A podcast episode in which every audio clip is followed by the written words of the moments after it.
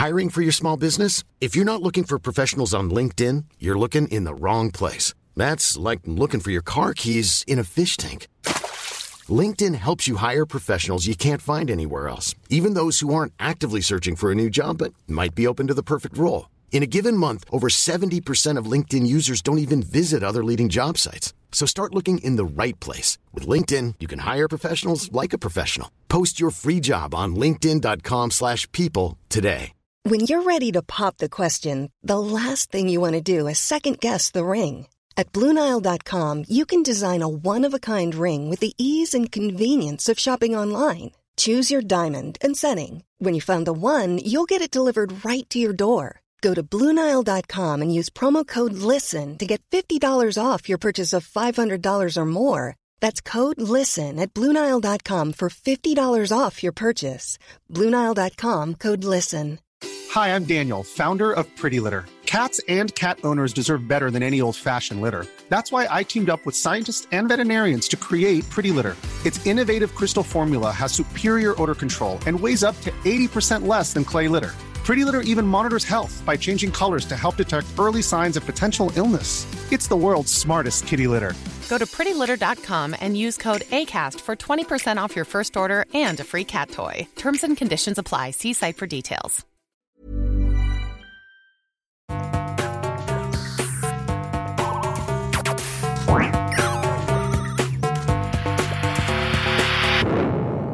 Velkommen til Sinnsyn. Jeg heter Sondre Risom Livre, jeg er psykolog, og dette er Webpsykologens podkast. Hverdagspsykologi for fagfolk og folk flest.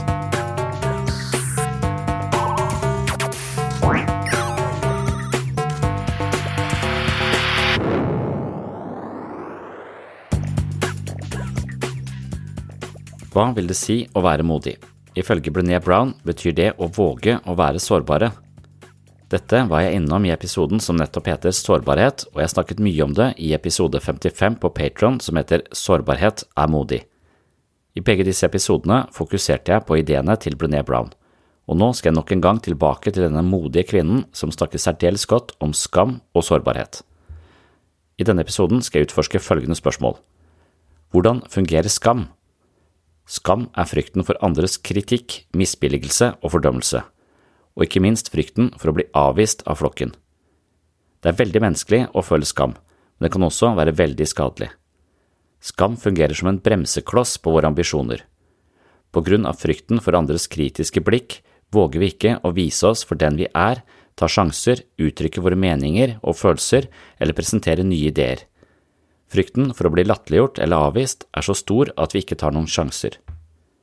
Det fører til stillstand, apati og en slags undertrykt livsførsel under skammens tunge last. Ifølge Brown lever vi i en kultur som fostrer stadig mer skam, og det er en skremmende utvikling. For å unngå at vi ikke lammes av denne destruktive følelsen, er det viktig å vite mer om hvordan kulturer forsterker følelsen av skam. Først og fremst er det gjennom en mentalitet som forteller oss at alt kan bli bedre, underforstått at det vi er eller det vi har aldri er godt nok, noe som installerer en følelse av tilkortkommenhet, som er en av flere ingredienser i skam. Dette skal vi utforske ytterligere senere i episoden. Jeg vil også lufte et annet spørsmål i dagens episode. Hva er sårbarhet, og hvorfor mener Brené Brown at sårbarhet er kuren mot skam? Kort sagt er argumentet som følger. Sårbarhet er en forutsetning for å våge å føle eller uttrykke følelsene våre. Sårbarhet er ikke en svakhet, men et tegn på mot til å stå frem som den vi er, og ikke den vi mener vi burde vært eller eh, tror at det andre synes vi bør være. Vi er nødt til å omfavne vår egen sårbarhet for å bli den vi er, fullt og helt, og det er en forutsetning for å skape gode relasjoner og bebo en integritet som gagner både oss selv og andre. Brown påpeker at skam er noe vi forsøker å skjule, ettersom skam per definisjon er frykten for å bli sett, være åpen og vise vårt eh, sanne jeg. Likevel er kuren mot skam å gjøre det motsatte av det skammen vil, nemlig uttrykke den og gjøre den synlig. For å klare det må vi våge å være sårbare, og derfor er sårbarhet veien til et liv med mindre skam. Hvis vi klarer å være fornøyde med det vi har og den vi er, altså selvaksept, vil behovet for å skjule seg eller fremstå med en sosial fasade avta, og vi vil våge å vise oss mer åpne og sårbare. Dette er ikke så lett dersom vi befinner oss i en atmosfære av skam, konkurranse, misunnelse og tilkortkommenhet, enten det er på hjemmebane, på skolen eller på jobb. Dersom vi selv klarer å gå frem med et godt eksempel, være modige og vise oss sårbare, gir vi andre anledning til å gjøre det samme. Det kan være den beste medisin du kan skjenke et jobbfellesskap, familien, klassen eller en vennegjeng. Dette var de store linjene i dagens episode om hvordan de modigste av oss omfavner sin egen sårbarhet og bruker den som et eh, viktig psykologisk verktøy i kampen mot skam. I dagens eh, hovedsegment skal du få være med til en refleksjonsrunde med skammen og sårbarheten som omdreiningspunkt. Velkommen til en ny episode av Sensyn. I'm all sweaty. I don't feel good. I, I I ate too much and masturbated too recently. You know, that kind of. You know, it's bad to like jerk off and run out the door because you run into somebody. Oh, she knows. Like, you just. You gotta take some time alone to get it. Process the shame. Det vi hørte om, det var jo sårbarhet og livsangst. Og det perspektivet er henta litt fra Young og Klosko sine negative leveregler som handler litt om at hvis man bor sammen med folk som er veldig engstelige og usikre, så risikerer man å adoptere et lignende blikk på verden. Fordi at vi leser jo om omgivelsene våre via foreldre og viktige omsorgspersoner, og hvis de hele tiden fortolker eh, omgivelsene som potensielt sett farlige, så blir vel det også ofte en del av vårt eget operativsystem, sånn at vi er skeptiske og, og usikre. Og Hvis man har denne grunnleggende, følelsen som grunnleggende sårbar, og at alt kan være farlig, så vil man ofte utvikle en del symptomer, og ofte så kanaliseres denne grunnleggende sårbarheten ut i noen spesifikke områder, som f.eks. noen er redd for naturkatastrofer, noen er redd for å bli fattige og se på Luksusfella som en slags skrekkfilm, og noen er redd for sykdom, altså hypokonderen. Så er, eh, vi, har liksom kanalisert denne sårbarheten ut i et eller annet litt sånn eh, typisk symptom, da. Men det var ikke så mye det jeg egentlig hadde tenkt å snakke om når jeg så overskriften 'sårbarhet'. For da gikk jeg tilbake til hun eh, Brené Brown og leste meg opp på henne litt igjen, fordi at jeg har nevnt henne så mange ganger uten egentlig å ha vært så mye borti henne, bortsett fra disse TED-talksene hun holder. Men så er det en bok som hun har skrevet som heter eh, Daring Greatly. Og jeg vet ikke hvordan jeg skal oversette det, men du skjønner hva det betyr. Det betyr bare å være jævlig modig. Og hva betyr det å være modig? Og det hun skriver om, det er jo sårbarhet. Så det er den varianten av sårbarhet som jeg plutselig har forstått litt mer av, som jeg egentlig ikke hadde forstått så mye av tidligere. Jeg visste ikke helt hvordan man skulle forstå begrepet sårbarhet før jeg gikk til henne en gang til. Da. Og Det kan godt være at det er en feil forståelse av sårbarhet, men sånn hun definerer sårbarhet, så er jo sårbarhet en forutsetning for alle følelser. Så det å våge å være altså Sårbarhet er noe vi ofte prøver å unngå eller skjule for omverdenen, noe som også gjør at vi i veldig liten grad tar risiko eller tør å være gjennomsiktig og fortelle hvordan vi har det, hvem vi er, hva vi tenker, hva vi føler i møte med andre. For idet vi uttrykker en følelse, så blottlegger vi også en viss sårbarhet, ifølge Brené Brown. Da. Og det gir mening for meg, for det er det å uttrykke seg åpent og oppriktig og ærlig, det er også å blottstille seg litt.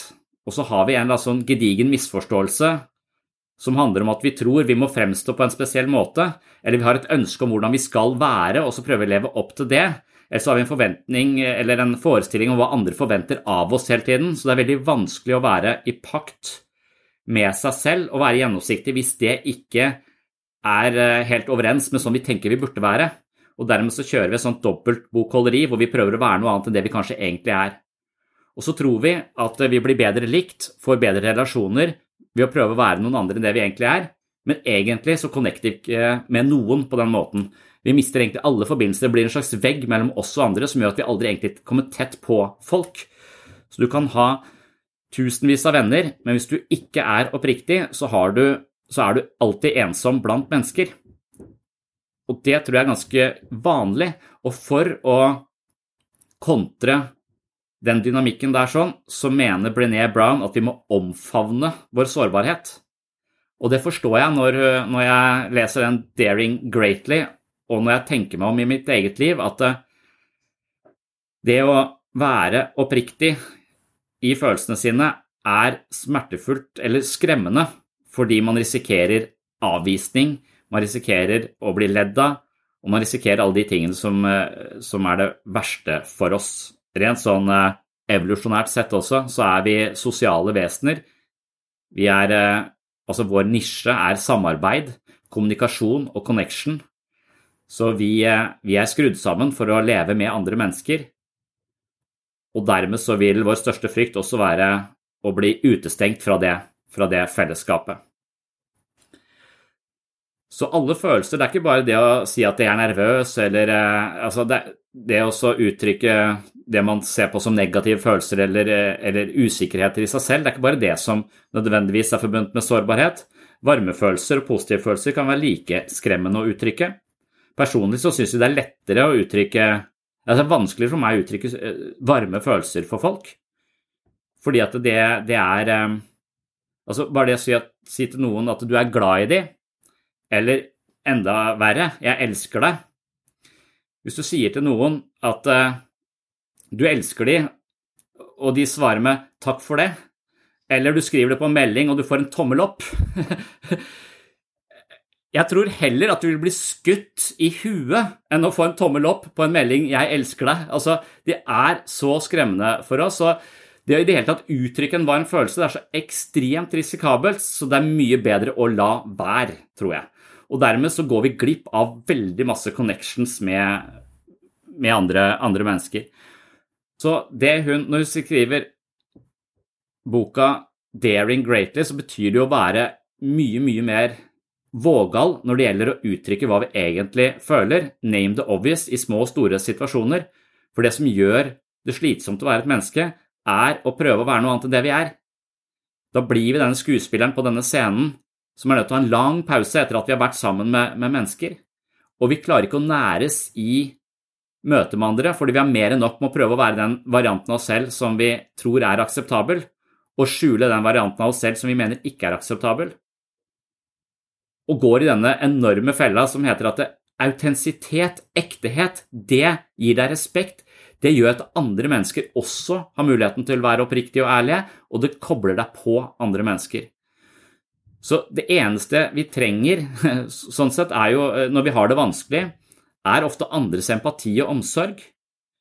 Men istedenfor å uttrykke hva som er vanskelig, så later vi som om det ikke er vanskelig, og så merker andre en eller annen form for falskhet, og så blir de litt skeptiske, og så får vi i hvert fall ikke det vi trenger. Kanskje folk bare blir irritert på oss eh, isteden. Det gjelder så mange, mange små og, og, store situasjoner. Og Brené Brown har en forklaring på hvorfor vi opererer på denne måten, og den forklaringen har vært inne på her før, men hun, hun mener at vi har en kultur som fostrer skam i veldig stor grad. Og skam er da forstått som denne følelsen som dukker opp når vi ikke føler at vi strekker til, når vi opplever at vi er mindreverdige, når vi opplever at vi ikke har rett til eh, vår plass, når vi hele tiden opplever at andre er bedre enn oss, også mer verdifulle enn oss fordi de er bedre enn oss på et eller annet område, så vil vi hele tiden leve under denne uh, følelsen av, å, av, tilkortkommenhet, og det er sånn skammens vesen. Og skammen, det er den klamme hånden og, som sørger for at vi ikke uttrykker oss og ikke er, uh, er oppriktige. Og hun mener at det ligger i kulturen vår fordi den baserer seg så mye på sammenligning, og da også overfladiske verdier, hvor vi assosierer vår egen verdi som menneske til prestasjoner, eller til karriere, eller til antall venner, eller til popularitet, til mange av disse, disse overfladiske tingene som vi hele tiden også blir bombardert med i sosiale medier. Så vår mulighet for å sammenligne oss med andre har blitt så stor, og dermed følelsen av tilkortkommenhet så tilgjengelig. Og jo mer følelse av tilkortkommenhet, jo mer prøver vi å holde på en eller annen fasade som vi skal vise andre, eh, og jo mindre oppriktige blir vi. Så hun mener dette her ligger, ligger rett og slett dypt forankra i eh, kulturen vår. Og dermed så, så, vil vi eh, i stadig større grad få problemer eh, knytta til denne energien vi må bruke på å opprettholde noe vi, noe vi prøver å være, men dypest sett ikke føler at vi nødvendigvis er. Så hun mener også at vi, i tillegg til det, så er det andre elementer i kulturen som handler om at vi, vi anser ikke det å Altså dette perfeksjonistiske idealet vårt, vi anser ikke det å gjøre feil som interessant. Vi anser det som tap av egenverdi. Det har vi også vært inne på før, og det er annen, et annet element som sørger for nettopp denne dynamikken, hvor vi bruker ekstremt mye energi på å unngå å gjøre feil eller drite oss ut eller være på en riktig måte fordi at vi anser eh, feilskjær ikke som 'oi, der kan jeg lære noe', men 'oi, der sank jeg i kurs som menneske'. Så vi har et eh, forkvakla forhold til det å gjøre feil. Så feil mener hun er noe vi bør eh, oppsøke. Det er den eneste måten å lære på. Og det å prøve å bruke hele livet på å unngå å gjøre feil, det vil også være å leve i alarmberedskap. Og vi vil bli dårlig på å takle feil. Så hun mener at eh, istedenfor å akseptere oss selv som den vi er, og at vi kommer til å gjøre feil som mennesker, hvis vi, hvis vi har den holdningen, så er vi ganske godt rusta. Men i og med at vi er eh, bombardert med ideer om at eh, feil er noe mindre attraktivt, både i sykehussystemet også Jeg bruker jo, Hvis vi skulle gjort alt vi skal, så bruker vi halvparten av tida vår på å unngå å gjøre feil istedenfor å møte mennesker. Sånn at vi sier det riktige, gjør det riktig, utreder riktig, journalfører riktig, så vi ikke havner i heisen på et eller annet tidspunkt. Så vi kan jo bruke godt over halvparten av tida vår på å unngå å gjøre feil, istedenfor å gjøre det vi skal. Og det, er en sånn uh, proteksjonisme og, en, en, sånn type holdning som bare skaper nervøsitet og en oppmerksomhet på alt som kan gå galt. Og det er det motsatte å være nysgjerrig til stede i, i livet. Og når vi har denne hele tiden oppmerksomheten om jeg kan ikke gjøre det, og jeg vil ikke prøve på en ny jobb, for da jeg har feila så mange ganger, så jeg feiler på nytt, så senker jeg enda mer i verdi som menneske. Nei, du får enda en erfaring. Du vokser som menneske på å gjøre en feil i en ny, ny jobb. Altså den, den, holdningen er det veldig mange, mange, som ikke har. Så hun mener at eh, i og med at vi er så opptatt av å ikke gjøre feil, så blir vi sittende helt stille i livet. Det skjer ingenting, det skjer ikke noen bevegelser. Og når det faktisk skjer en feil, så klarer vi ikke å håndtere det, og så blir vi helt satt ut av det. Så istedenfor Altså feil som kan være ganske små, de blir vi helt satt ut av, og så får vi posttraumatisk stresslidelse i etterkant. Altså Før så fikk du posttraumatisk stresslidelse av å få en granat i huet i krigen.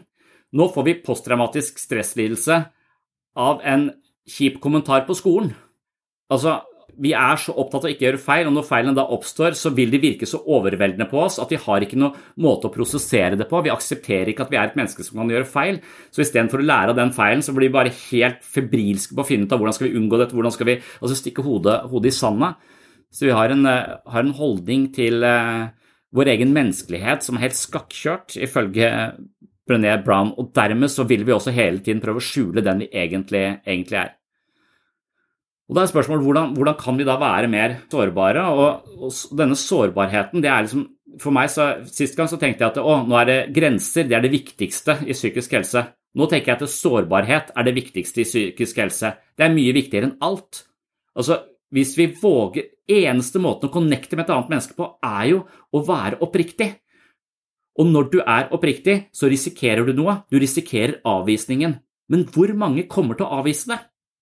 Ca. 1% for de er psykopater. Alle andre vil oppleve autentisitet og ektehet som eh, noe de kan ha omsorg og empati for, eller føle seg lik som og koble seg på det. Og det er så mange sånne små situasjoner i mitt eget liv også, hvor jeg prøver å være noe annet enn det jeg egentlig er. Og så husker jeg på det jeg har lært i gruppeterapi, name the obvious. Si akkurat hva som foregår inni deg i de situasjonene hvor du er stressa eller et eller annet er uavklart i deg. For hvis jeg ikke sier det og later som om jeg har full kontroll, så, så bruker jeg så mye mental energi på å opprettholde denne fasaden at jeg klarer ikke å tenke klart, og jeg kommer til å gå på en smell. Så jeg klarer ikke å bruke energien min på en ordentlig, på en ordentlig måte. Det er utrolig mange eksempler på det. Jeg sa tidligere at der jeg føler meg mest ensom, er jo etter et foredrag. Vi har reist et eller annet sted i Norge, stått på en eller annen scene, holdt et foredrag og skal spise lunsj med de folka etterpå. Da har jeg prøvd å være litt morsom og prøvd å være en annen variant av meg selv jeg ikke helt kan stå inne for på den, på den, scenen. Og når de da forholder seg til den personen de har blitt kjent med, så føler jeg en stor diskrepans mellom hvordan jeg har fremstått på den scenen, og hvordan jeg egentlig er. Og, og dermed så vil denne det, omgangen med disse menneskene bare gjøre at jeg føler, meg, jeg føler meg aldri så ensom som når jeg blir misforstått av andre mennesker, eller jeg har fremstått på en måte som jeg egentlig ikke kan stå inne for. Det er da jeg er på mitt aller mest ensomme, og det er da jeg også er på mitt aller mest stressa, for nå må jeg opprettholde denne ideen som de har om meg selv. Jeg kan ikke punktere denne ballen nå, jeg skal fly hjem i morgen, jeg må bare holde ut. Jeg velger heller å gå på hotellrommet, for jeg er mindre ensom på hotellrommet alene enn jeg er sammen med de menneskene som jeg ikke har vært åpen, åpen med. Og Det skjønte jeg etter hvert, så derfor så begynte jeg alle foredrag med hvis jeg er nervøs, så sier jeg det. Jeg, jeg sier et eller annet om at hjertet mitt slår så fort nå, så det kan være at jeg kommer til å seile om på scenen her. Da må du begynne sånn hjerte-lungeredning umiddelbart. Finn fram hvor denne hjertestarteren er. Det går som med meg som det gikk med han danske fotballspilleren. Jeg, har den følelsen at jeg av og til kan være så inn i helvete nervøs fordi jeg er så redd for andres kritikk. Jeg sitter i en sal av mennesker hvor jeg tror at hvis jeg ikke er interessant nok, så bruker jeg opp deres tid. De kommer til å være forbanna på meg og mislike meg og synes jeg er en dust. Og sånn er ikke mennesker. For hvis jeg sier at jeg er nervøs, er usikker på om jeg har noe å komme med, så overøser de meg med komplimenter og støtte etterpå og forteller meg at de har det akkurat på samme måte. De synes det er helt forferdelig å prøve å Så, så det, det, du skaper en Istedenfor å prøve å være noe, prøve å være denne fantastiske sånn Bertrand, vi gønner på jævlig mye selvtillit og, og bånn gass, så får jeg omsorg av de folka og empati av de menneskene, og jeg føler meg nærere de. Og det hjelper meg til å senke skuldrene og faktisk bruke energien på det, eh, på det jeg skal, altså prøve å lage setninger som gir mening for, de, eh, for den tematikken som jeg skulle snakke om. Så Det er så utrolig mange sånne situasjoner, og det, det med sånn og det, det da bare si noe om sin egen sårbarhet Hvis du klarer det, så blir det ditt beste verktøy, det, mest verdifulle psykologiske verktøyet du kan ha som menneske. Og det er hver gang du absolutt ikke vil vise din sårbarhet, at det er kanskje viktigst. Jeg hadde en situasjon i går hvor jeg har en sønn som er litt til og fra i fotball, som uh, føler seg kanskje ikke god nok, selv om han åpenbart er, uh, er det. Uh, i mine, men han, har, han syns det er vanskelig. Og når jeg skal inn, og plutselig så er han interessert igjen, og vi skal tilbake på det fotballaget men i og med at jeg har følt meg sårbar og litt sånn Jeg er ikke så interessert i fotball. Der er det noen sånne fantastiske trenere som gjør en enormt uh, god jobb. Og de er uh, høyere enn meg, de er bedre enn meg, de kan mer om fotball enn meg. Så jeg føler jeg kommer til kort på alle områder, selv om det ikke betyr en dritt hvor, hvorvidt du kan eller ikke kan noe om fotball. Men akkurat på den arenaen så er det det som er valutaen. Og jeg går i den fella at jeg assosierer min egen verdi som menneske i forhold til hvor lange samtaler jeg kan ha om engelsk fotball. Og jeg kan, si, jeg kan si tre setninger. Så, så, så, der føler jeg kommer, kommer til kort. Og, og da var det vanskelig for meg. Nå skulle vi tilbake dit. Jeg skulle prøve å være trener sammen med de andre for å inkludere eh, sønnen min i dette her. Da måtte jeg bare tenke jeg må bare fortelle, jeg må bare snakke med den treneren og så legge på Uff, jeg syns dette er litt vanskelig, jeg beklager, jeg har ikke fått svart på alle meldingene. Jeg har vært litt avvist, jeg har holdt en distanse, jeg har vært litt kald mot de folka fordi jeg har vært sårbar. Jeg har vist en slags kulde, en slags fasade, så, uh, som, som, har skapt en avstand, men nå skal jeg tilbake dit, og hvis jeg skal tilbake dit, så må jeg være helt oppriktig. Og når jeg er helt oppriktig, så vil disse supermenneskene, sånn jeg ser de, de vil møte meg med det samme. De sier ah, faen, jeg har akkurat samme problem med min sønn på den og det området, så det er veldig vanskelig å komme inn. Så, så det blir, vi blir kjent, istedenfor å skape den avstanden vi har hatt så, uh, over så lang tid. Det er så mange sånne situasjoner hvor jeg har skjønt at jeg må ta sats. Jeg er nesten sånn dissosiativ. Jeg bare gruer meg. Jeg må bare si det. Jeg må bare, bare legge meg flat, er det jeg kaller det. Legge seg flat. Men egentlig så er det bare å være oppriktig. Å legge seg flat er å være oppriktig, kanskje si 'unnskyld, jeg har ikke svart på alle meldingene', det er fordi jeg har vært litt usikker på dette, eller For jeg hadde grunn til å si unnskyld òg, på en måte, men jeg har også grunn til å uttrykke min egen usikkerhet der ute. Det er nettopp det. Så ordet 'å legge seg flat' er det motsatte av det man egentlig gjør. Jeg skjønner hva du mener, for det å være et oppriktig menneske betyr ikke å innrømme feil, det betyr nok å akseptere seg selv for den man er. Og det å på en måte omfavne feilene sine som en slags identitet, som også sørger for at folk ikke regner med deg, eller eh, tillegger deg så mye ansvar, kanskje. Du, så det kan absolutt kanskje være en slags ansvarsfraskrivelse i det. Men jeg tror nok at eh, for at vi skal våge å være sårbare, så må vi elske oss selv. Vi må gi oss selv den uh, rausheten som vi gir ofte er tilbøyelig til å gi andre. Det er ikke så mange av oss som forlanger så veldig mye av andre, og vi kan godt akseptere at de, ikke strekker til på alle områder. Vi kan bare forstå det og akseptere det og kjenne oss igjen. Men så har vi en litt strengere dommer på oss selv. Så, så jeg tror det også Altså, Skammen er jo noe som hele tiden dukker opp når du sammenligner deg og mener at det du er eller gjør eller får til, ikke er eh, bra nok, og du ikke fortjener plassen din. Altså, Det begynner på, et, på helt på overflaten, men det stikker også ned i selve eksistensen. Har jeg rett til å leve, nærmest? Har jeg rett til kjærlighet fordi jeg ikke er så god fotballspiller? Jeg er faktisk ganske god fotballspiller, jeg er bare eh, ikke så interessert i fotball. Eh, men, men ikke sant? Sånn at det, det, vi skaper en sammenheng mellom vår verdi som menneske og hva vi og hva vi får til eller ikke får til i livet. og Det er jo også en av de store misforståelsene som hun prøver å komme til livs. Da, at det, alle disse visdomstradisjonene har fortalt oss at du er verdifull fordi du er et menneske. Du har rett til å eksistere fordi du er et menneske, du har rett til kjærlighet fra andre. Og, og det, det, ligger som en slags sånn grunnlov i vår menneskelighet, eh, ifølge de store visdomstradisjonene. og Vi kan velge å følge det eller ikke følge det, men jeg tror den, hvis vi virkelig forstår det, at, eh, at vi, vi har rett til å eksistere, og rett til å, å ja, ha, være et menneske som er verdt å elske, så, så tror jeg vi, vi, er på et mye det, det, er grunnsteinen, og det er den ideen vi også må gi til, til, barna våre. Og det er det som er så vanskelig, for ofte så vil vi også gi barna våre verdi hele tiden ut ifra hva de presterer og ikke presterer, får til og ikke får til, og eventuelt skylde på dem når de gjør noe feil, eller himle med øynene eller si 'åh, du er helt umulig' den der installeringen av ikke sant? Og det er, den, det er, der skammen fødes. De fleste av oss husker skammen fra barndommen. De husker små episoder hvor, hvor de kjente at du er ikke Du er et dårlig menneske. Du får ikke til dette. Du er dum, du er teit, du har ikke rett til å, å Eller, ja Jeg er ikke sikkert vi har de voldsomme ordene på det, men det kan være små ting. Sånn der Ah, nå igjen. Bare den setningen til eh, Jeg tror de fleste av oss har sånne setninger vi husker. Vi husker det også fra, fra, fra kanskje arbeidsplasser hvor noen har kritisert oss, eller fra skolen hvor vi har blitt avvist. Det er masse sånne steder hvor vår egen verdi som menneske har blitt dratt i tvil av oss selv pga. andres tilbake, tilbakemeldinger. Og da er det fordi vi har misforstått vår egentlige verdi. ikke sant?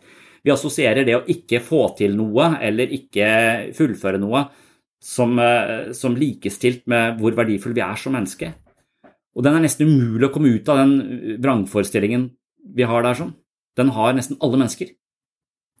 Jeg synes det høres ut som du snakker om det som kalles for Jonah-komplekset. At vi er redd for uh, vårt eget potensial. Nettopp fordi at vi kanskje lever på en slags undertone av uh, egenverdi knytta til prestasjoner. Og i frykten for da å feile, så prøver vi å enten komme feilinga i forkjøpet ved å feile med vilje.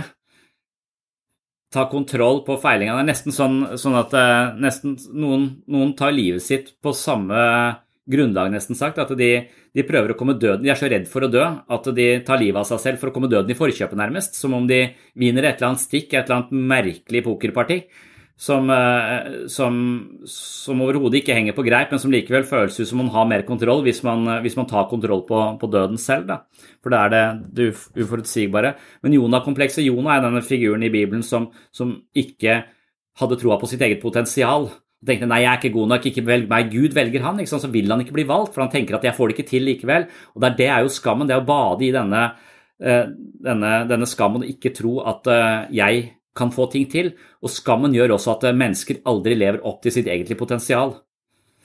Og, og hvis vi kan, eh, kan ned, dramatisere feilene vi gjør, litt mindre, sånn at det blir læringssituasjoner snarere enn tap av egenverdi, så, så tror jeg at vi kan også dempe den der prestasjonsangsten som ligger i ethvert gjøremål, og det å våge å ta ansvar for det vi ikke tenker at hvis jeg har tatt ansvar, så må jeg gå gjennom denne, dette prosjektet uten å feile.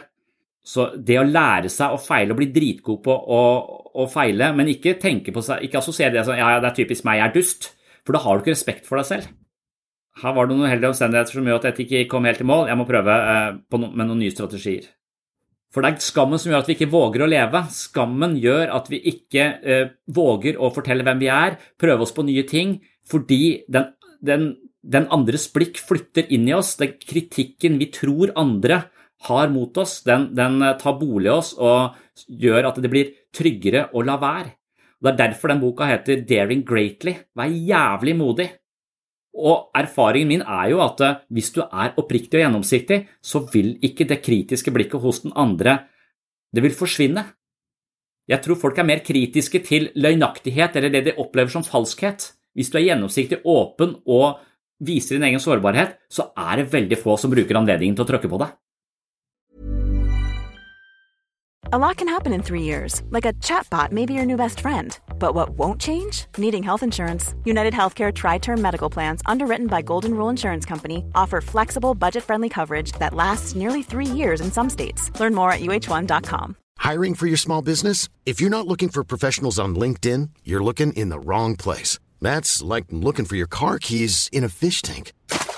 LinkedIn helps you hire professionals you can't find anywhere else, even those who aren't actively searching for a new job but might be open to the perfect role. In a given month, over 70% of LinkedIn users don't even visit other leading job sites. So start looking in the right place. With LinkedIn, you can hire professionals like a professional. Post your free job on linkedin.com slash people today.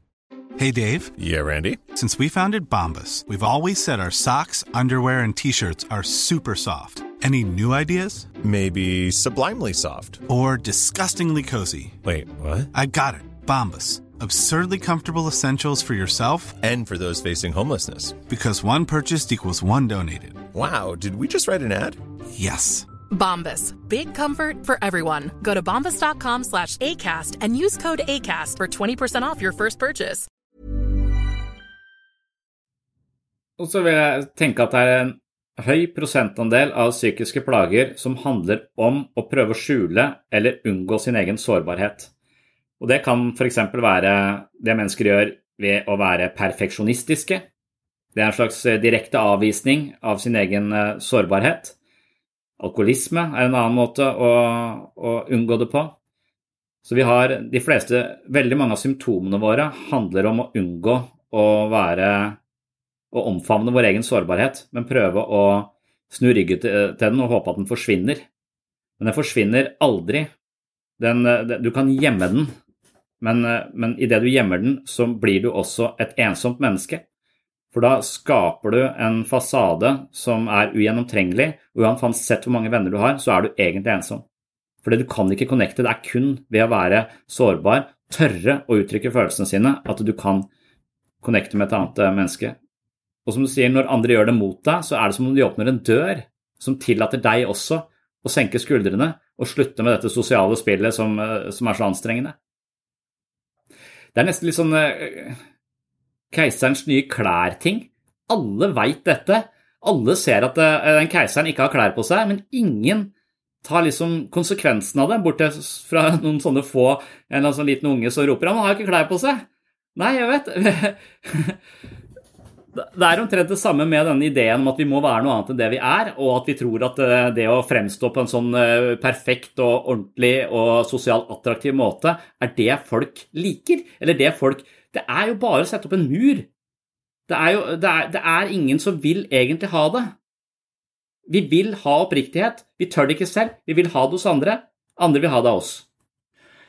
Og akkurat på dette området så lurer jeg på om det foreligger en selvmotsigelse i hvordan jeg selv tenker om dette.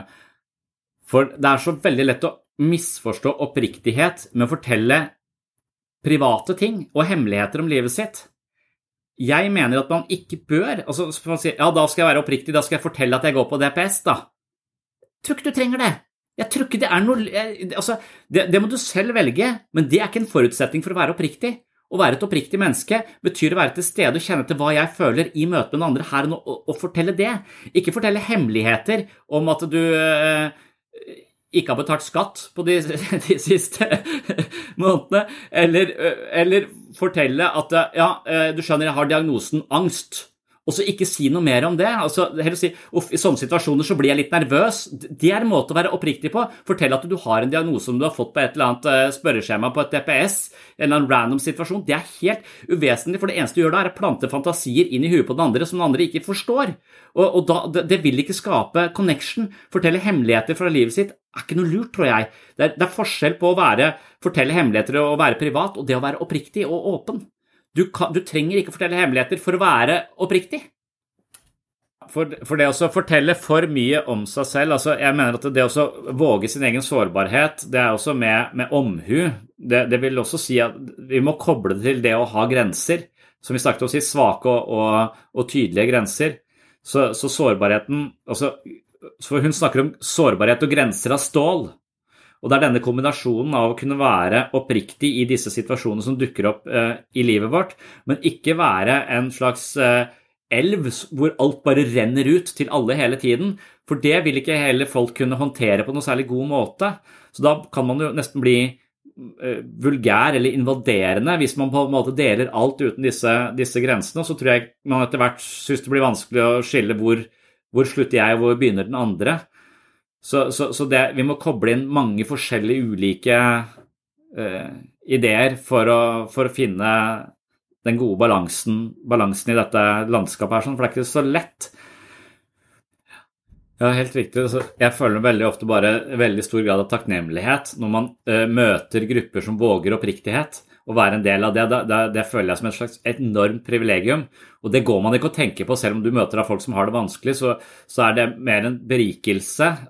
Mens de der sosiale settingene hvor du prøver å være noe annet. Det er de, ja, det er de som, som, sier, blir noe du går og grubler på. Men det er også, også i de settingene så, så, tror jeg at jeg må Altså, Gruppeterapi syns jeg er helt fantastisk å være i, men det er akkurat som jeg gjorde da fotballtrenersituasjonen om til en mini-gruppeterapi. Ikke for at jeg skal gjøre det totalt åpent, men det var for stor diskrepans mellom hvordan jeg prøvde å fremstå der, og hvem jeg egentlig var, så jeg måtte skape en større nærhet til meg selv fordi det var en sårbar situasjon for meg. Og den sårbarheten kunne jeg prøve å skjule, men da hadde jeg ikke klart å være der for sønnen min heller. Jeg tror han hadde merket det, så jeg må liksom stikke hull på den ballongen sånn at jeg kommer litt nærmere de. Jeg skal ikke ha gruppeterapi på, på, fotballtrening, men de skal vite litt mer hvor jeg er enn at jeg er takknemlig for det de gjør. at jeg, bare, sånn at Det jeg har sagt, så er det som det kommer litt Og jeg ble inkludert. Nå er jeg en del av det fellesskapet. Jeg skal ikke drive og prate om uh, følelser eller hva, hva, jeg føler der. Jeg skal bare, de skal bare vite hvem jeg er. Og, hva, og, at jeg ikke skal prøve å late som, som noe.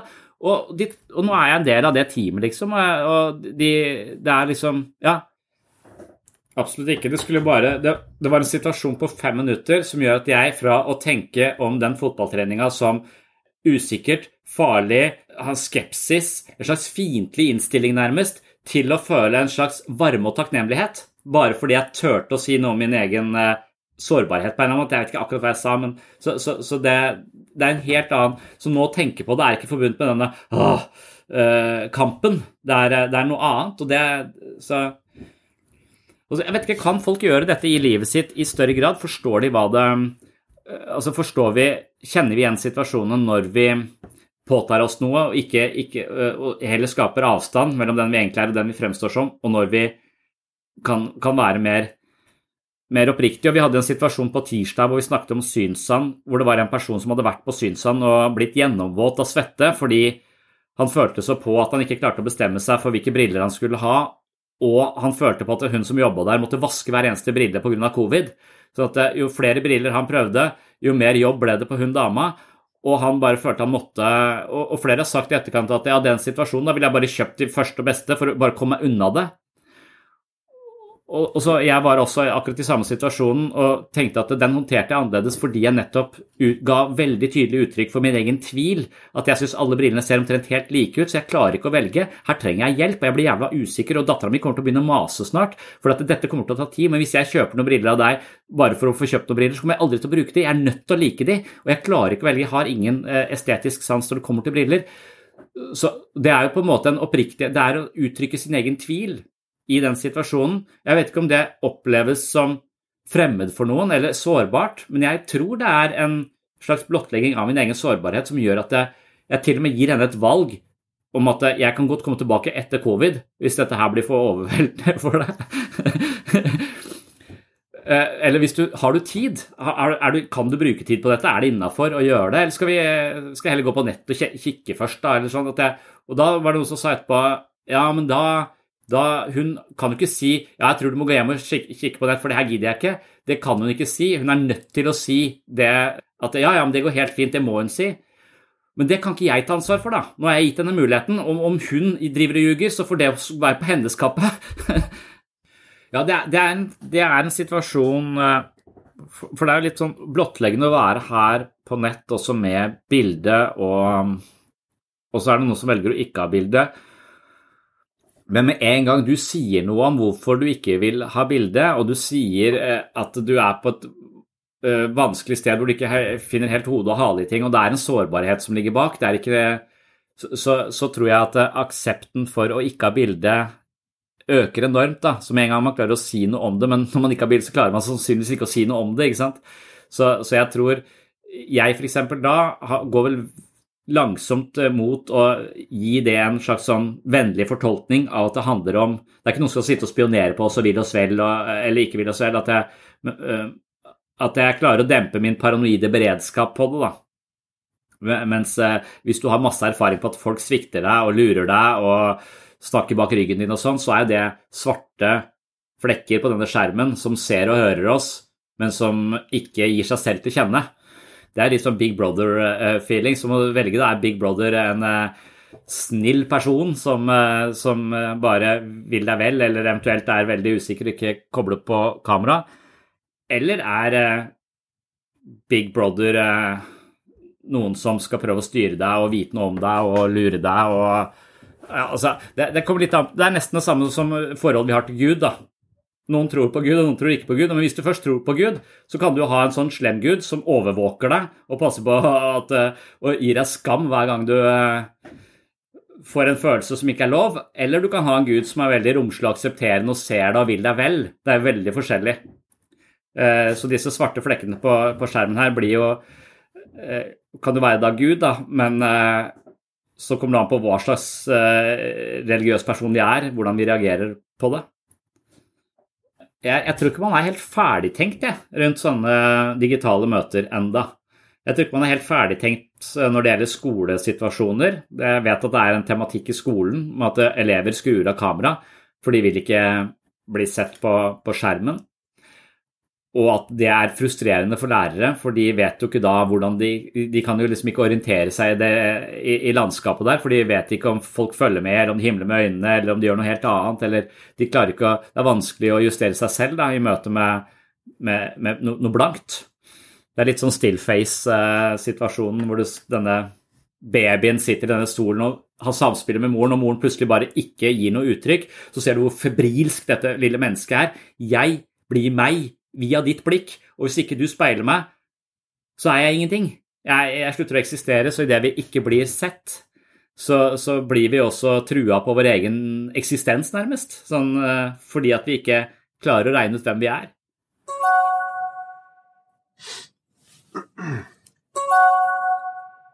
Hey, Paul. Thanks for being here on time. Paul? Hey, Paul, can you hear me? I can't hear you. I can hear you. Can you hear me?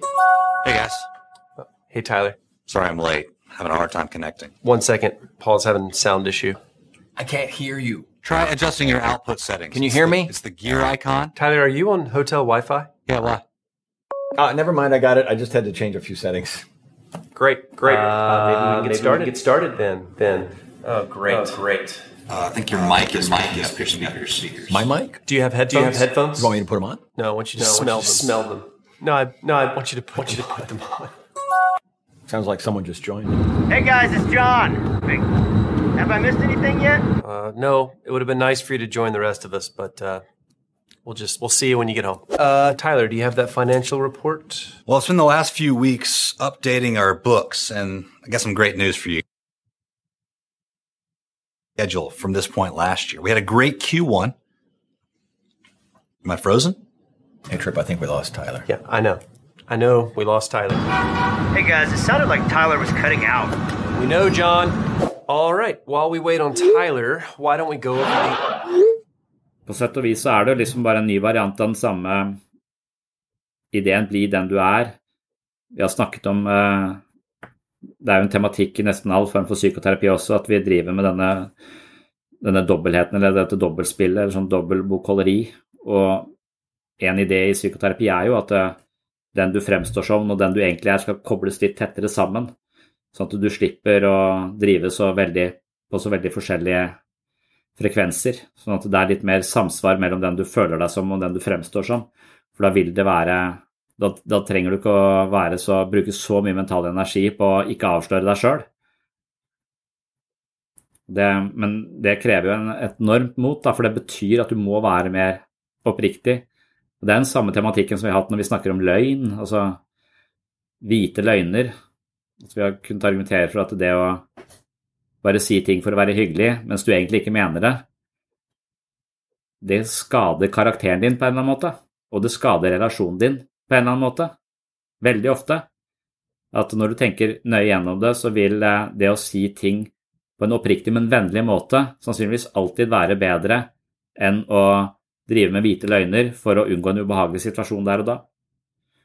Men det er vel den, det er vel den, eh, den situasjonen vi hele tiden dukker opp, da, at vi kan avhjelpe det følelsesmessige trykket i denne situasjonen og si noe som vi egentlig ikke mener. For da får alle det mye bedre, føler seg mye bedre her og nå. Men på lang sikt så, så er det underforstått, eller det ligger i magefølelsen vår at vi vet at vi ikke er helt, eh, helt oppriktige med hverandre. Så egentlig så tok vi bare ett skritt fra hverandre idet vi serverte den hvite løgnen for å skåne den andres følelser, på en måte. Og at den sårbarheten, det vi, det vi, det, sårbarheten handler om å våge Risikoen er ved å f.eks. gjøre den situasjonen veldig vanskelig ved å være oppriktig. Der og da så blir det mye vanskeligere å håndtere, men på lang sikt så kan det være at jeg styrker relasjonen. Det kan være at den går til helvete, at jeg vet om jeg aldri vil prate med deg igjen, men, eh, men jo flere situasjoner hvor vi klarer å skape denne sammenhengen mellom hvordan vi kjenner på innsiden og hvordan vi fremstår, desto mer integritet har vi vel. Desto mer kan vi stole på oss selv, desto mer kan vi senke skuldrene fordi vi, vi tenker at uh, autopiloten vår er, uh, er, akseptabel. Jeg kan være meg sånn som jeg er. Selvaksept.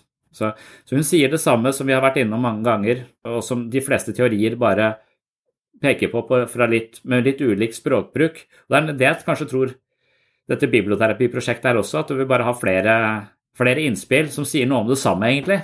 Altså, Vi vender tilbake til det samme, men det er ikke som det kommer med litt nye metaforer, med litt nye, et nytt, litt nytt lys. Og jeg syns Brené Brown er ganske dyktig. Hun belyser det på veldig fine måter. Gode formuleringer. I remember being at Fort Bragg and asking a group of Special Forces troops, give me an example, give me an example of courage that you experienced in your life on the field or off the field, or you saw in someone else that didn't require uncertainty, risk, and emotional exposure. Right. And there was this long silence, and finally a young man stood up and said, Three tours, ma'am, there is no courage without vulnerability. Yeah. I don't think you can get to courage without the capacity to deal with uncertainty, risk, and emotional exposure. And we've mythologized vulnerability. We've created weakness. this ideal yes. that's ultimately unrealistic. Yeah, and right. it's like that it's, that it's weakness, that it's oversharing. Right. That you know, people will say to me, "I read Dare to Lead. I'm going to be a brave leader. How much should I cry? How much should I share?" you know, and I'm like. As if there's a cheat sheet, right? And, and, yeah, and as if we want, you know, oversharing, crying leaders. I mean, like, if it's a genuine thing, do it. But I'm not saying be vulnerable for vulnerability's sake. I'm saying when things get hard and uncomfortable, don't tap out of difficult conversations. Right. Stay in them, lean into them, even when they're uncomfortable, awkward, hard.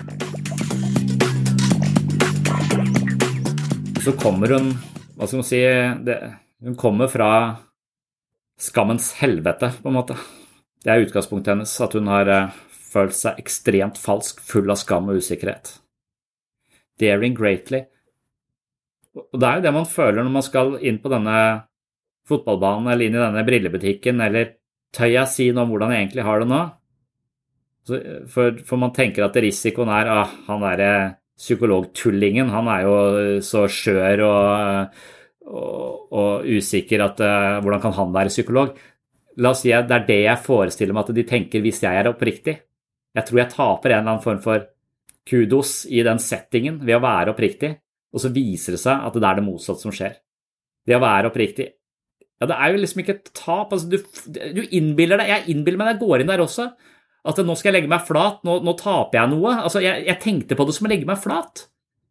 Men så skjønner jeg at det var ikke å legge seg flat i etterkant. Men selv om jeg snakker om dette og leser Brené Brown og skjønner det, så eier jeg ikke den jeg gjør, det, Vi går i den feilen der uansett, altså. Eller det det vi kan bli bedre på å oppdage de feilene når de er der, og våge mer, altså name the obvious, være mer i pakt med den vi er i ulike situasjoner. Men jeg tror, vi, tror det er som styrketrening. Du må gjøre det litt sånn du, du, må ta litt sats for å komme deg inn i det der eh, treningsrommet, eller Ja, samme med dette greiene her. Daring, altså våge det.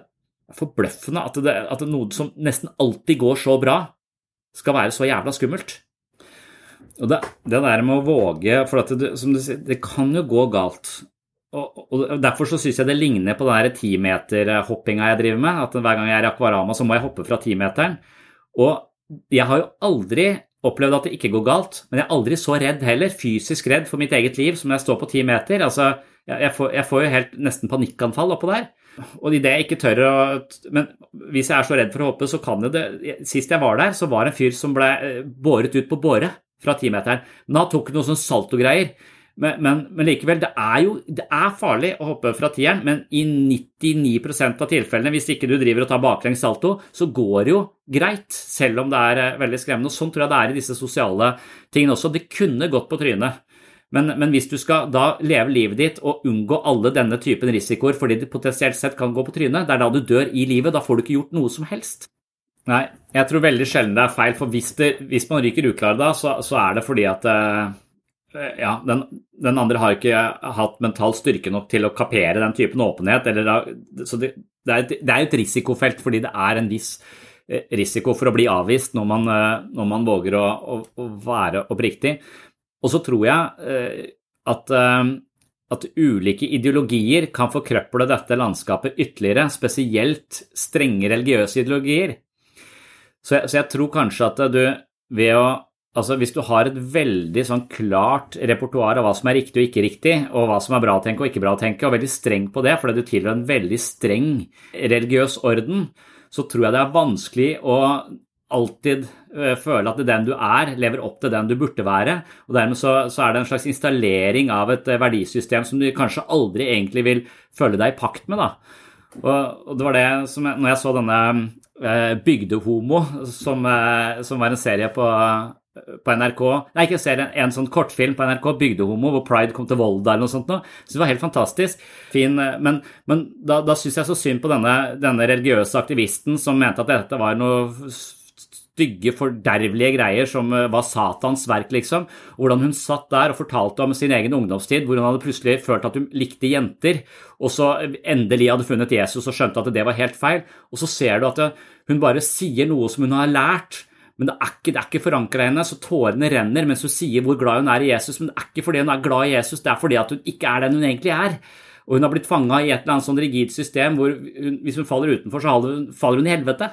Så risikoen der er så, er så stor. Så jeg er ikke noe egentlig imot religion, jeg syns åndelighet er en veldig bra ting, men idet den blir veldig streng og rigid, så er det lite handlingsrom der, og sjansen for at du ikke passer inn eller føler en stor diskrepans mellom lære og liv, så, så tror jeg dette installerer denne typen dobbelthet og vanskeligheter som vi, som vi alle egentlig sliter med, men som kan forverres av religiøse doktriner. da.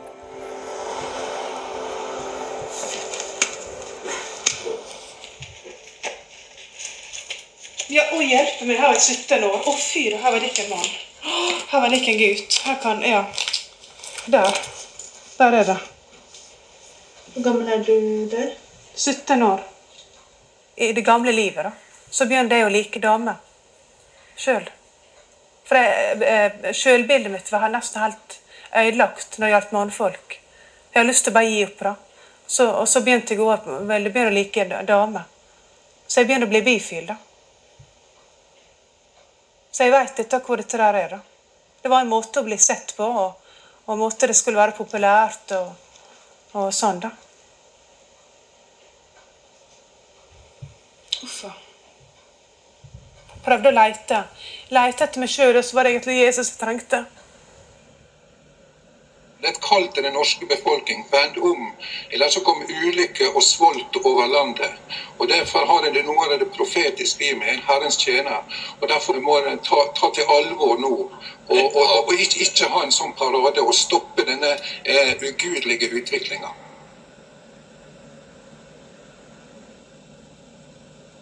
Hvem skulle tro det for ti år siden, at vi skulle få gå i parade og feire mangfold og kjærlighet i Volda. Men nå skjer det.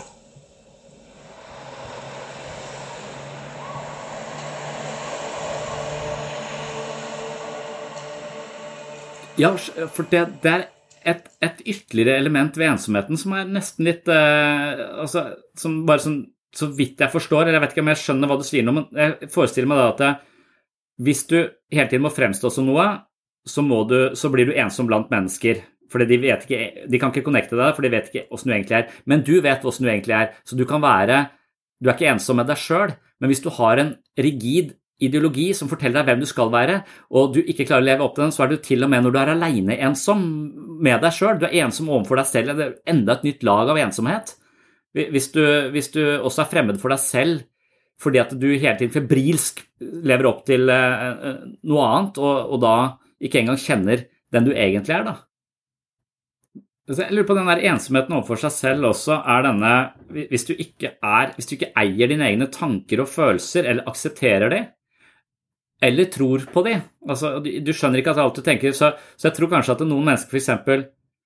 Eh, altså, det, det har jeg snakket om før, men at jeg opplevde av og til når jeg vokste opp, at noen, noen som betrodde seg til meg, var sånn redd for at de var homofile. Så, så en slags homofil tilbøyelighet, det ble sånn kjempeskremmende for de, for da er jeg det, da, og da, da liksom, Du veit vel hva du altså, jeg vil ikke ta en eh, homofil impuls til, til, inntekt for at jeg er homofil. Jeg bare, alt som kommer og går, det er, ikke, det er, ikke, skrevet i stein. Jeg er litt sånn, jeg er litt sånn, jeg er litt sånn. jeg er litt sånn, Så jeg vil ikke være så redd for impulsene. Derfor så er jeg i hvert fall hjemme hos meg sjøl. Mens noen er ikke hjemme hos seg sjøl, for tanker eller den følelsen eller den følelsen, det definerer meg, da blir jeg sånn. og sånn er, Som om de er i kamp mot sin egen tankevirksomhet og impulser som de ikke aksepterer det, eller hvis de ikke aksepterer ja, Altså at det, det er denne, denne, kampen mot seg selv. Altså at Da føles det uff, Selv når du er aleine, så er du ikke på en måte hjemme og, og, kan hvile. Du er også da hele tiden i konflikt eller i, i en eller annen sånn form for uh, uoversiktlig uh, strabaser med deg sjøl og dine egne tanker og følelser. Nei, for det, Albert Aabert har jo Skybert som, eh, som, en slags sparingspartner, en slags sånn livsvitne da, som, eh, som, bekrefter han og som han har det fint med. Fordi at faren bare røyker pipe og leser avisa. Men det hadde jo vært fint hvis faren også så Albert Aabert, da, for eh, Albert Aabert ble også rusmisbruker ifølge mytologien. Sånn at, så vi trenger jo Men, men det er kanskje en, en mental styrke å skape sine egne elementer i seg selv og, og å ha, ha et sånt rikt liv hvor du kan spare med deg selv, vel vitende om at du er det er varianter av deg selv. Og da, hvis du tenker at, at man som menneske er en flokk i seg selv, så, så tror jeg det er lettere å akseptere ulike sider. Så, så hvis jeg tenker at oi, jeg har en homofil impuls, så tenker jeg ikke at det overstyrer min seksuelle legning. Det betyr bare at oi, har jeg den strengen også? Kan jeg spille på den? Da kan jeg kanskje forstå den andre altså det, er, det, er, det er en berikelse snarere enn en katastrofe. Med mindre det er noe jeg totalt har fortrengt, da, og, som, og, som, jeg bare må, må, si at ok, jeg har ikke de andre impulsene i det hele tatt, men jeg har de andre impulsene også. Sånn at, sånn at ting blir ikke katastrofalt hvis du, er, hvis du, skjønner at man er mangfoldig.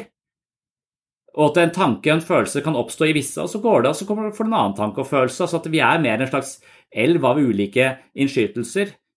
Det jeg tenker nå, betyr ikke at jeg er sånn. Det betyr bare at det er sånn jeg opplevde ting akkurat der og da, i den, situa den situasjonen. Og hvis du har den selvaksepten, så kan du være venn med deg selv. Og Det er også den sårbarheten du da først må vise overfor deg selv, akseptere deg selv, og så kan du kanskje begynne å se om du også har muligheten til å gjøre det utad, for å connecte med andre folk. Hvis du ikke aksepterer deg selv og er uvenner med deg selv, så er det jo helt umulig, i hvert fall, tror jeg, å, hva du skal vise utad. Da er du ikke avklart. Du har ikke noe godt regjeringsalternativ inni deg. ikke sant? Det er ikke noe det er, Rødt nekter å samarbeide med Miljøpartiet De Grønne plutselig, og da blir det bare kluss. Så, så du, du, har ikke noe god konstellasjon som klarer å samarbeide, men vi veit at vi kan ikke ha en, eh, et enevelde. Vi har uh, ulike partier som er nødt til å finne kompromisser. Sånn er vi som mennesker også. Så er vi av og til re... Ja.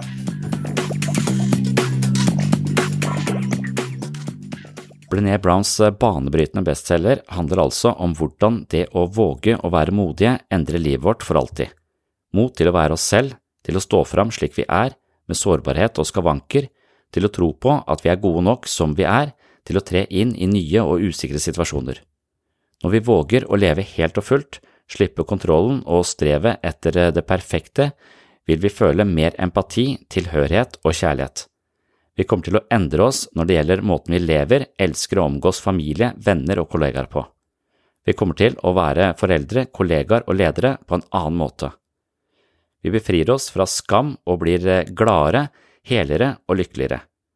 Boka til Brené Brown er basert på tolv års forskning på sårbarhet og et ønske om å se hva som gjør oss motstandsdyktige mot skam. Brené Brown har et av de mest sette foredragene på TED.com, altså det som kalles TED Talks. Foredraget er oversatt til 45 språk, også norsk, og er foreløpig sett av over 14 millioner mennesker. For å leve et liv uten å kveles under tyngden av skam og usikkerhet, må vi med andre ord tilstrebe en ubetinget anerkjennelse og aksept av oss selv. Vi må hvile på vår iboende verdi som menneske i møte med venner, familie og kollegaer. Hvis vi klarer det, betyr det at vi våger å være sårbare fordi vår egenverdi ikke baserer seg på hvorvidt vi gjør en feil eller blir avvist. Selv om vi går på en smell, blir glemt eller driter oss ut, tåler vi slike situasjoner fordi livets oppturer og nedturer ikke er direkte kobla til vår selvfølelse. Ved å omfavne vår egen sårbarhet, våge å være til stede, engasjere oss, prøve å feile, si vår mening og uttrykke våre følelser, kan vi etablere et dypere og mer solid forhold til andre mennesker. Dersom vi våger å være mer oppriktige og åpne i møte med andre, vil det få positive konsekvenser for folkene vi omgir oss med. Det gjelder på jobb, på skole og hjemme. Vil du høre enda mer om dette, kan du gå til episode 55 på Patron. Episoden heter rett og slett Sårbarhet er modig, og den inneholder en time til med refleksjoner rundt skammen og sårbarhetens psykologi. I tillegg finner du over 100 andre poster fra denne podkasten inne på Patron. Her er det over 50 ekstra episoder av sinnssyn, mentale øvelser, mye videomateriale, og jeg leser bøkene mine kapittel for kapittel, slik at Patron til slutt huser lydbokversjonen av mine tre bøker. Hvis du finner verdi her på sinnssyn, vil ha mer sinnssyn hver måned og har lyst til å støtte prosjektet, slik at jeg kan holde hjula i gang her på podkasten, er et abonnement på Patron av stor betydning. Du kan selv velge beløp per måned, og beløpet vil altså gi deg et medlemskap på mitt såkalte mentale treningsstudio. Jeg vil også benytte anledningen til å takke alle dere som allerede er Patron-supportere. Det er lyttere som dere som sørger for at lyset er på her inne på sinnssyn. Tusen hjertelig takk for det. Og da avslutter jeg bare med en, et håp eller en anmodning om at du må tåle din egen sårbarhet, våge å være mer sårbar, altså mer åpen og direkte og transparent, kan man si, om den du er. Det vil gjøre at du kan møte verden og nye prosjekter med senka skuldre, og det vil øke livskvaliteten din, og sannsynligvis så vil du få mye bedre relasjoner, og folk vil ha en annen respekt for deg enn den du eh, høster hvis du hele tiden prøver å være noe annet enn det du er, eller spille et eller annet sosialt spill med en eller annen sosial maske osv. Det er bare slitsomt, selv om alle mennesker driver med det, og det synes jeg er helt merkverdig at vi lever i denne villfarelsen. Men la oss uh, gjøre en innsats, sånn at vi kan eh, prøve å bryte dette mønsteret og våge litt mer sårbarhet for å være litt mer oppriktige. Det var eh, dagens eh, oppfordring. Takk for følget, håper du henger med i neste episode, og gjenhør!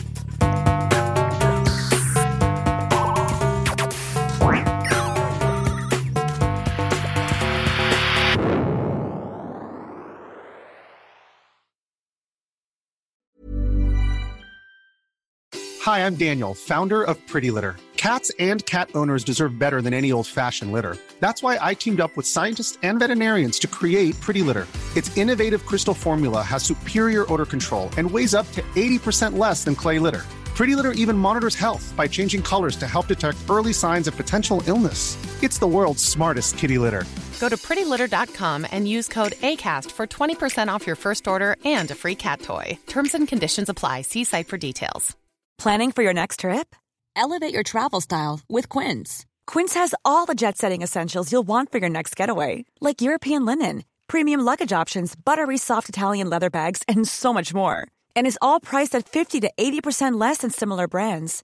Plus, Quince only works with factories that use safe and ethical manufacturing practices.